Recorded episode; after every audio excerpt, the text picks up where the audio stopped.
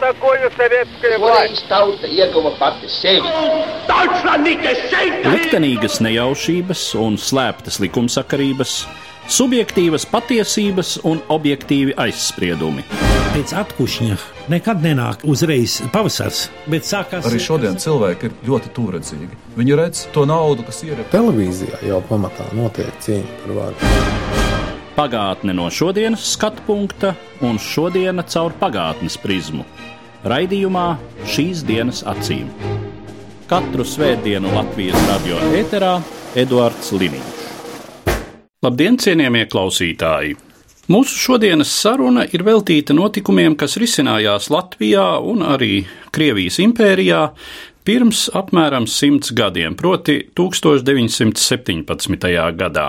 Un mans sarunbiedrs studijā vēsturnieks Jānis Šiliņš. Labdien! Labdien! Tas ir laiks pēc 1917. gada februāra revolūcijas, kad Krievija ir pārstājusi būt vismaz de facto monarhija un uh, meklē savu tālāko politiskās attīstības ceļu.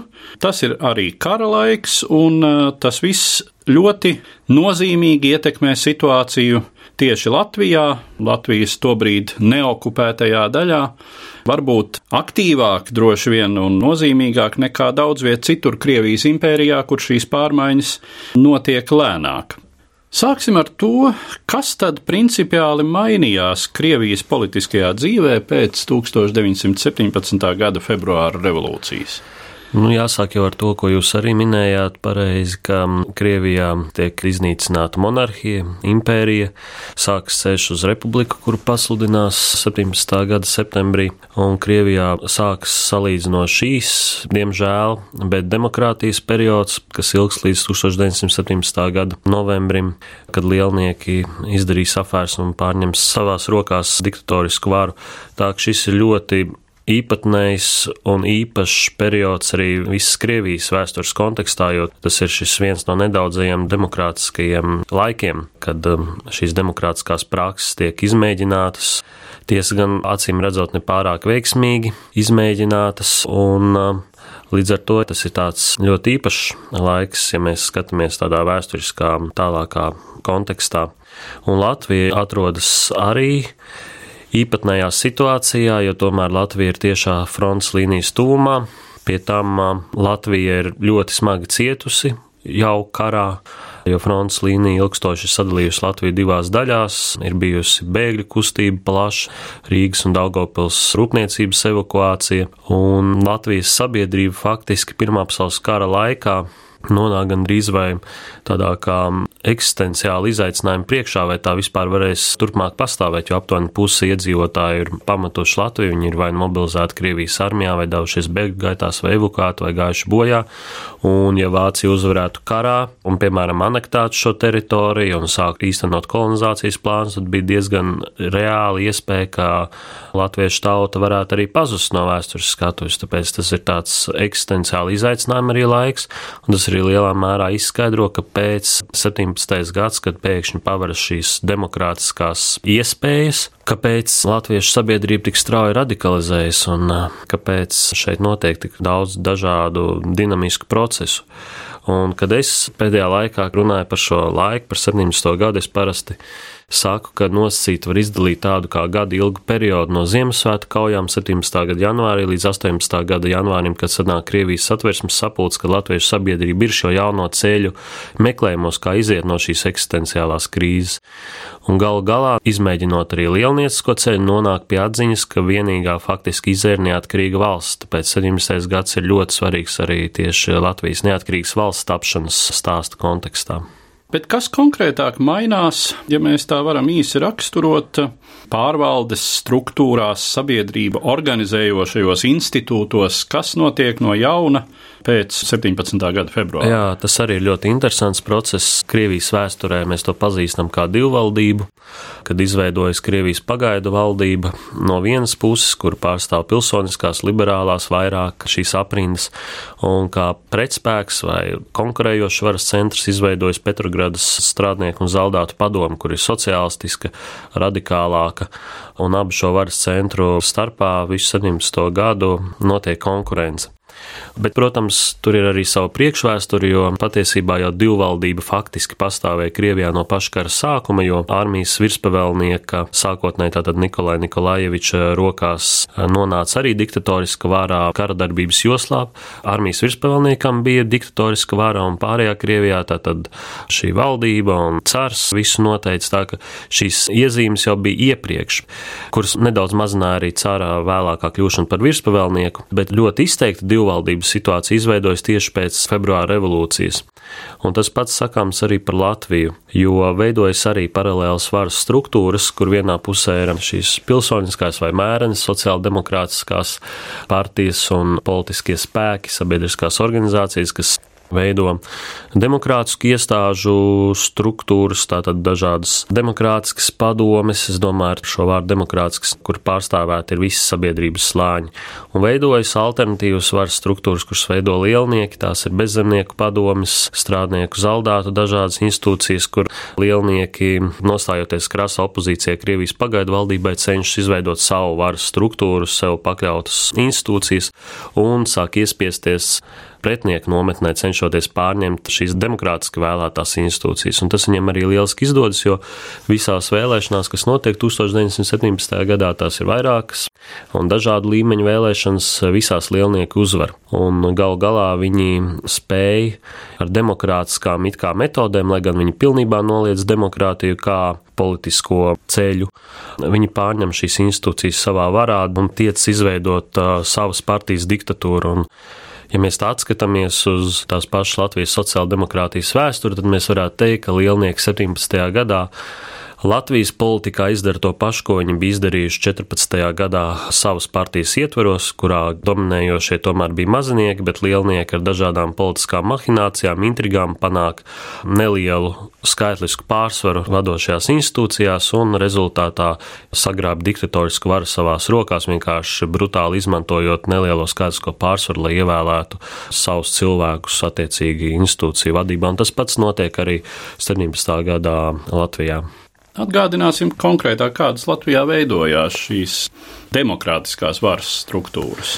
Demokrātiskas struktūras veidojas tikai vasaras beigās, kad notiek pirmās vēlēšanas, bet līdz tam veidojas pagaidu institūcijas, kurās ir pārstāvētas gan jaunizveidotās vai atjaunotās partijas un sabiedriskās organizācijas. Tūlīt pēc revolūcijas jau dažas dienas vēlāk izveidojas Rīgas strādnieku deputātu padome sanāk arī kopā dažādas lielas sapulces, izveido vidzemes pagaidu zemes padomi, kurzemes zemes padomi, tērbatā.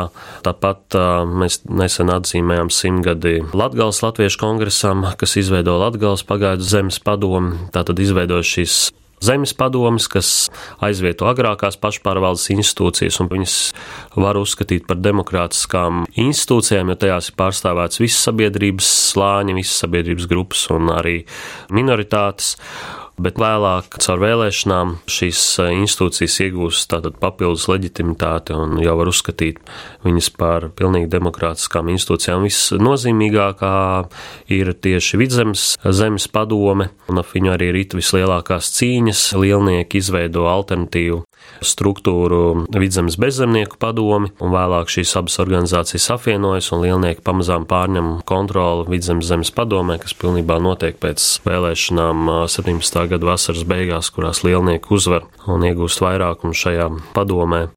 Tā kā veidojas padomju tīkls, kur no vienas puses ir demokrātiskas padomes, kurās pārstāvēt visi iedzīvotāju slāņi, visas grupas, un otrs puses veidojas padomes, galvenokārt bezzemnieku padomes, kuras izveidoja jau sākotnēji lielnieki un arī kuras tā kā lielnieku politikas instrumenti, un tālāk lielnieki mēģina savu ietekmi pārnest arī uz šīm demokrātiskajām padomēm.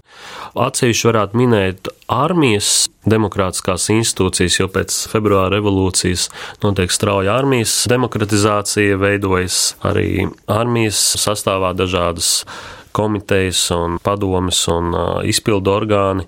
Nozīmīgākais šeit droši vien mums, mūsu vēsturē ir tā sauktais izkolas strels, jeb Latviešu strelnieku pulka apvienotās deputātu padomas izpildu komiteja kur arī līdzīgi kā citas varas struktūras izveido kā paralēlu struktūru jau pastāvošai Latviešu strelnieku organizācijas komiteja, kur līdz šim ir pārzinājusi šo strelnieku pulku iekšējo dzīvi un tagad izveidojas alternatīva struktūra, kur ir demokrātiska, kur sākumā dominē sociāldemokrātu un citu politisko partiju pārstāvi, bet lielnieki šajā izkolastralā jau mājā pārņem kontroli un sāk tā saukto arī strēlnieku lielniecošanās procesu. Par šo gan strēlnieku, gan lielas Latvijas sabiedrības daļas lielinieciskošanos, teiksim, lielinieku pozīcija ir diezgan skaidra. Kāpēc šīs paralēlās varas struktūras? Tāpēc, ka līdz tam salīdzinoši beztiesiskajām masām,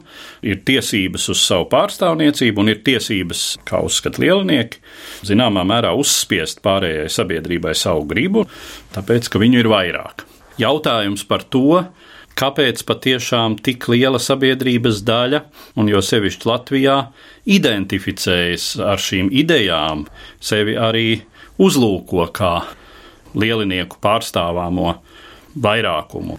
Jā, nu šis ir ļoti plašs un, protams, vēstures literatūra arī ļoti daudz diskutēts jautājums, bet es gribētu sākt ar to, ka tomēr, manuprāt, šīs lielnieku veidotās varas struktūras tomēr bija tīrākā viņu politiskās cīņas tehnoloģija, kā iegūt galu galā varu savās rokās, ne tik daudz domājot par to, ko viņi pārstāv un kā parūpēties par um, apspiestajām tautas masām, bet drīzāk kā iegūt savās rokās, apzinoties, ka viņi tomēr ir mazākumā. Viņu noteicošā loma pat savā partijā, Latvijas sociāldemokrātijā, kur pastāvēja kā vienota partija līdz pat 18. gada pavasarim, ka viņa loma arī nav viennozīmīgi dominējošā un kā saglabāt tātad varu gan savā partijā, gan arī iegūt varu visā šī teritorijā. Bet par to, kāpēc sabiedrība izrādījās tik pretimnākoša lielnieku paustajām idejām, Kā jau es minēju, ka Ziemassvētku kaujas var uzskatīt par zināmu lūzumu punktu Latvijas vēsturē, un Ziemassvētku un sakojošās janvāra kaujas ar milzīgiem zaudējumiem un ļoti niecīgiem ieguvumiem parādīja, ka tas ceļš, kurš ir bijis līdz šim izvēlēts, kuru pārstāvēja pilsoniskie politiķi, kuri teica, ka mēs varēsim kara gaitu laust ar latviešu strelnieku palīdzību, izglābt Latviju no šī eksistenciālā apdraudējuma, ka tas nedarbojas, ka militāriem mērķiem izbeigt karu, atjaunot mieru un ļaut atgriezties bēgļiem Latvijā nav iespējams. Tas nozīmē, ir jāmeklē citi ceļi, bet gan Krievijas pagaidu valdība un arī lielā mērā viss pilsoniskais latviešu politiķu spektrs, kurš bija arī lielā mērā atkarīgs no Krievijas pagaidu valdības, jo saņēma finansējumu, piemēram, latviešu bēgļu organizācijām, tās pašas latviešu strelnieku vienības bija atkarīgas no Krievijas pagaidu valdības labvēlības, tad viņas nevarēja nostāties krasā opozīcijā pagaidu valdībai un arī nevarēja pieprasīt kara izbeigšanu, un savukārt lielnieki ļoti bezatbildīgi populistiski, ārkārtīgi solīja kara tūlītēju izbeigšanu, bez aneksijām, bez kontribūcijām, kas nozīmē, ka kurzem tiek atgūta un zemgala bez nekādas kara darbības, bez asins izliešanas. Tā bija tā atbilde, ko latviešu sabiedrība vēlējās dzirdēt, ka mums vairs nebūs jāmirst kaujas laukā, un mēs saņemsim visu tāpat vienu tīri politisku vai diplomātisku pūliņu rezultātā.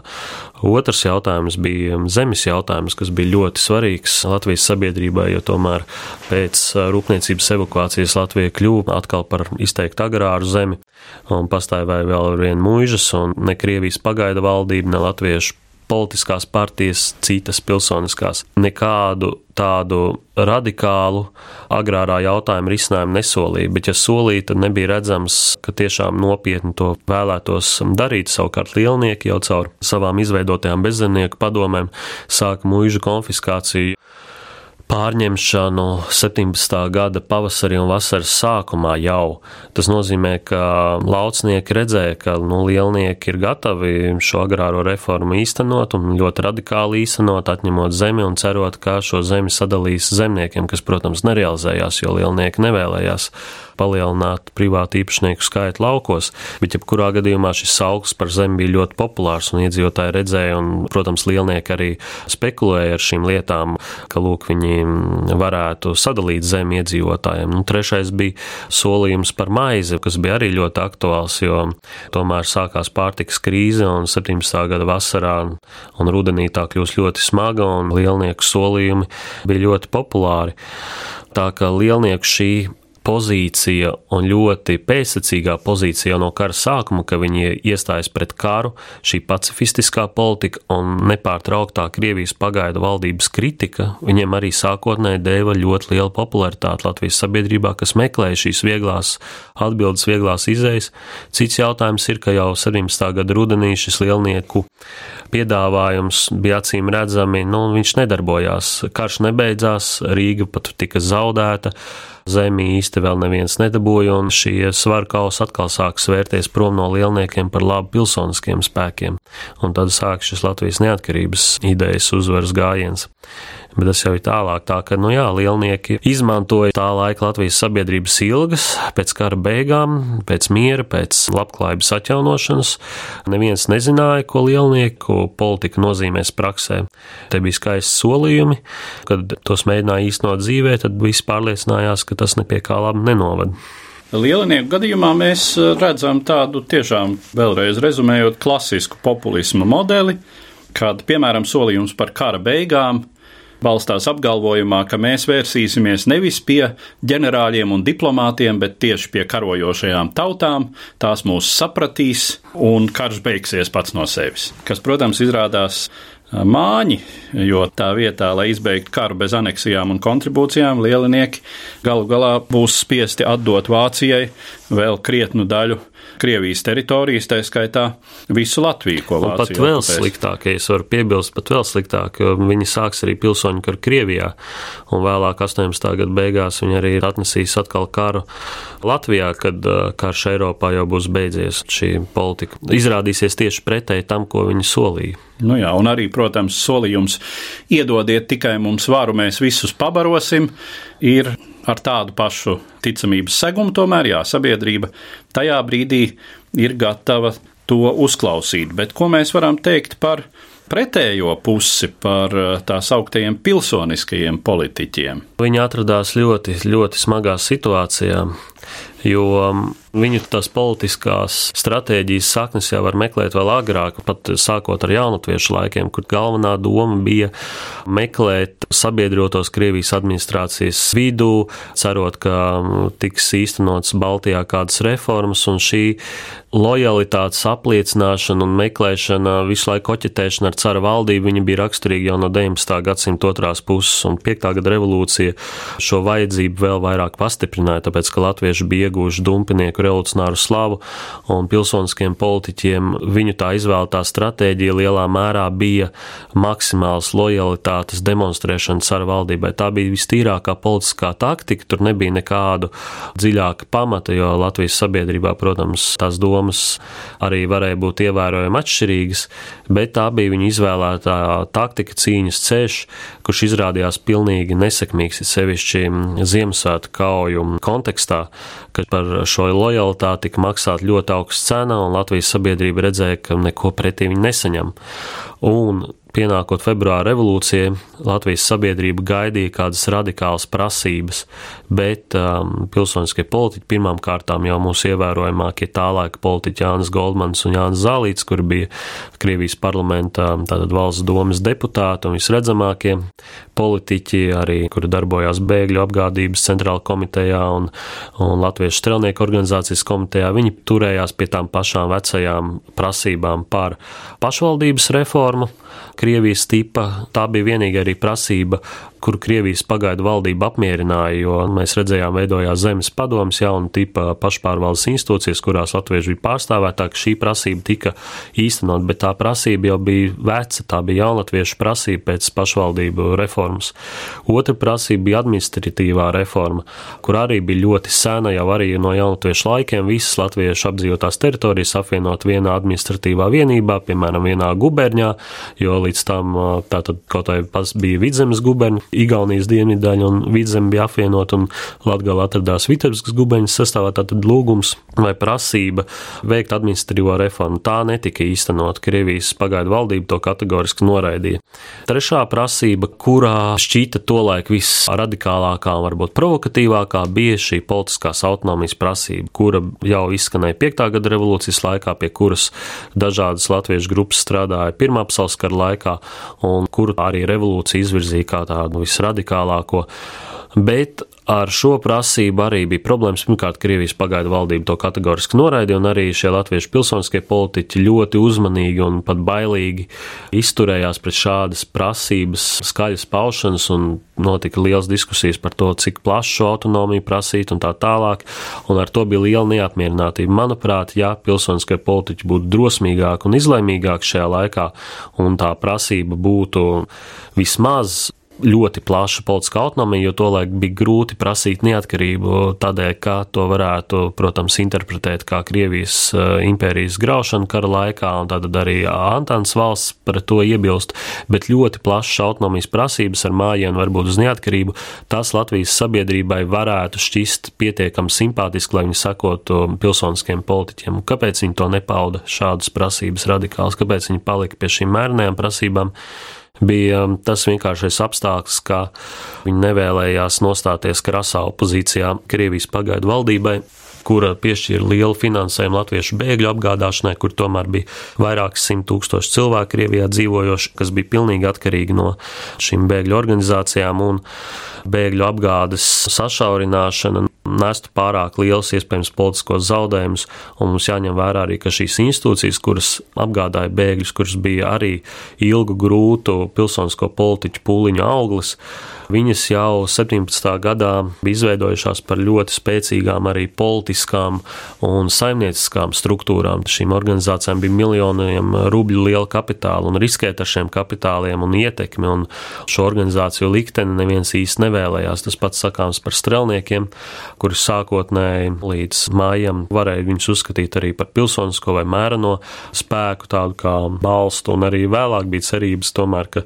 strelnieki nāks pie prāta, un acīm redzam arī, ka lielnieku atbalsts strelniekos jau nebija tik um, arī viennozīmīgs, un riskēt ar strelnieku zaudēšanu arī neviens īsti nevēlējās, tāpēc nācās šiem politiķiem laipot, Acīm redzot, to noteikti zinām politiska tūredzība, bet revolūcijas laikā neviens īsti nevarēja zināt, kā šī revolūcija beigsies, cik efektīva būs pagaidu valdība, un neviens nezināja, kas notiks.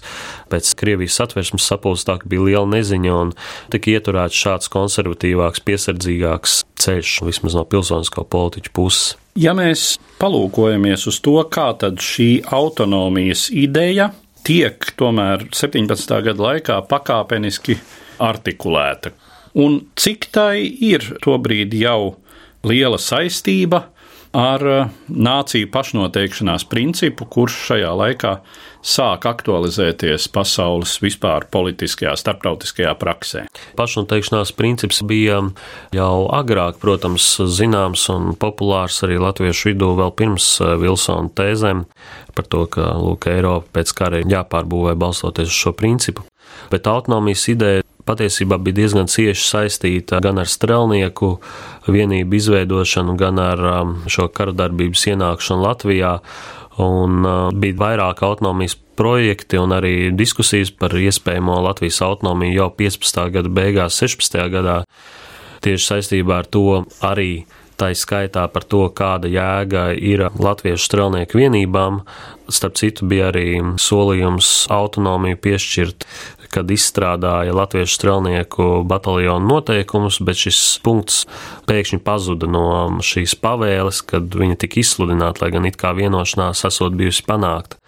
Tā ka tā autonomijas ideja bija ļoti aktuāla jau no paša kara sākuma, bet par viņu vismaz Krievijā pilsonisko politiķu vidū diskutēja privāti, jo baidījās no tādām negatīvām konsekvencēm, no konfrontācijas ar Krievijas varas institūcijām.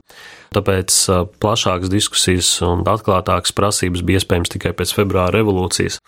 Un tā attīstība bija diezgan strauja no šīs autonomijas prasības, kas bija sen formulēta. Jautājums tikai bija, kādā formā to vajadzētu īstenot, cik plašai vajadzētu būt politiskai autonomijai. Tika sastādīti dažādi autonomijas projekti, gan, piemēram, viens no projektiem balstījās uz Austrālijas konstitūciju.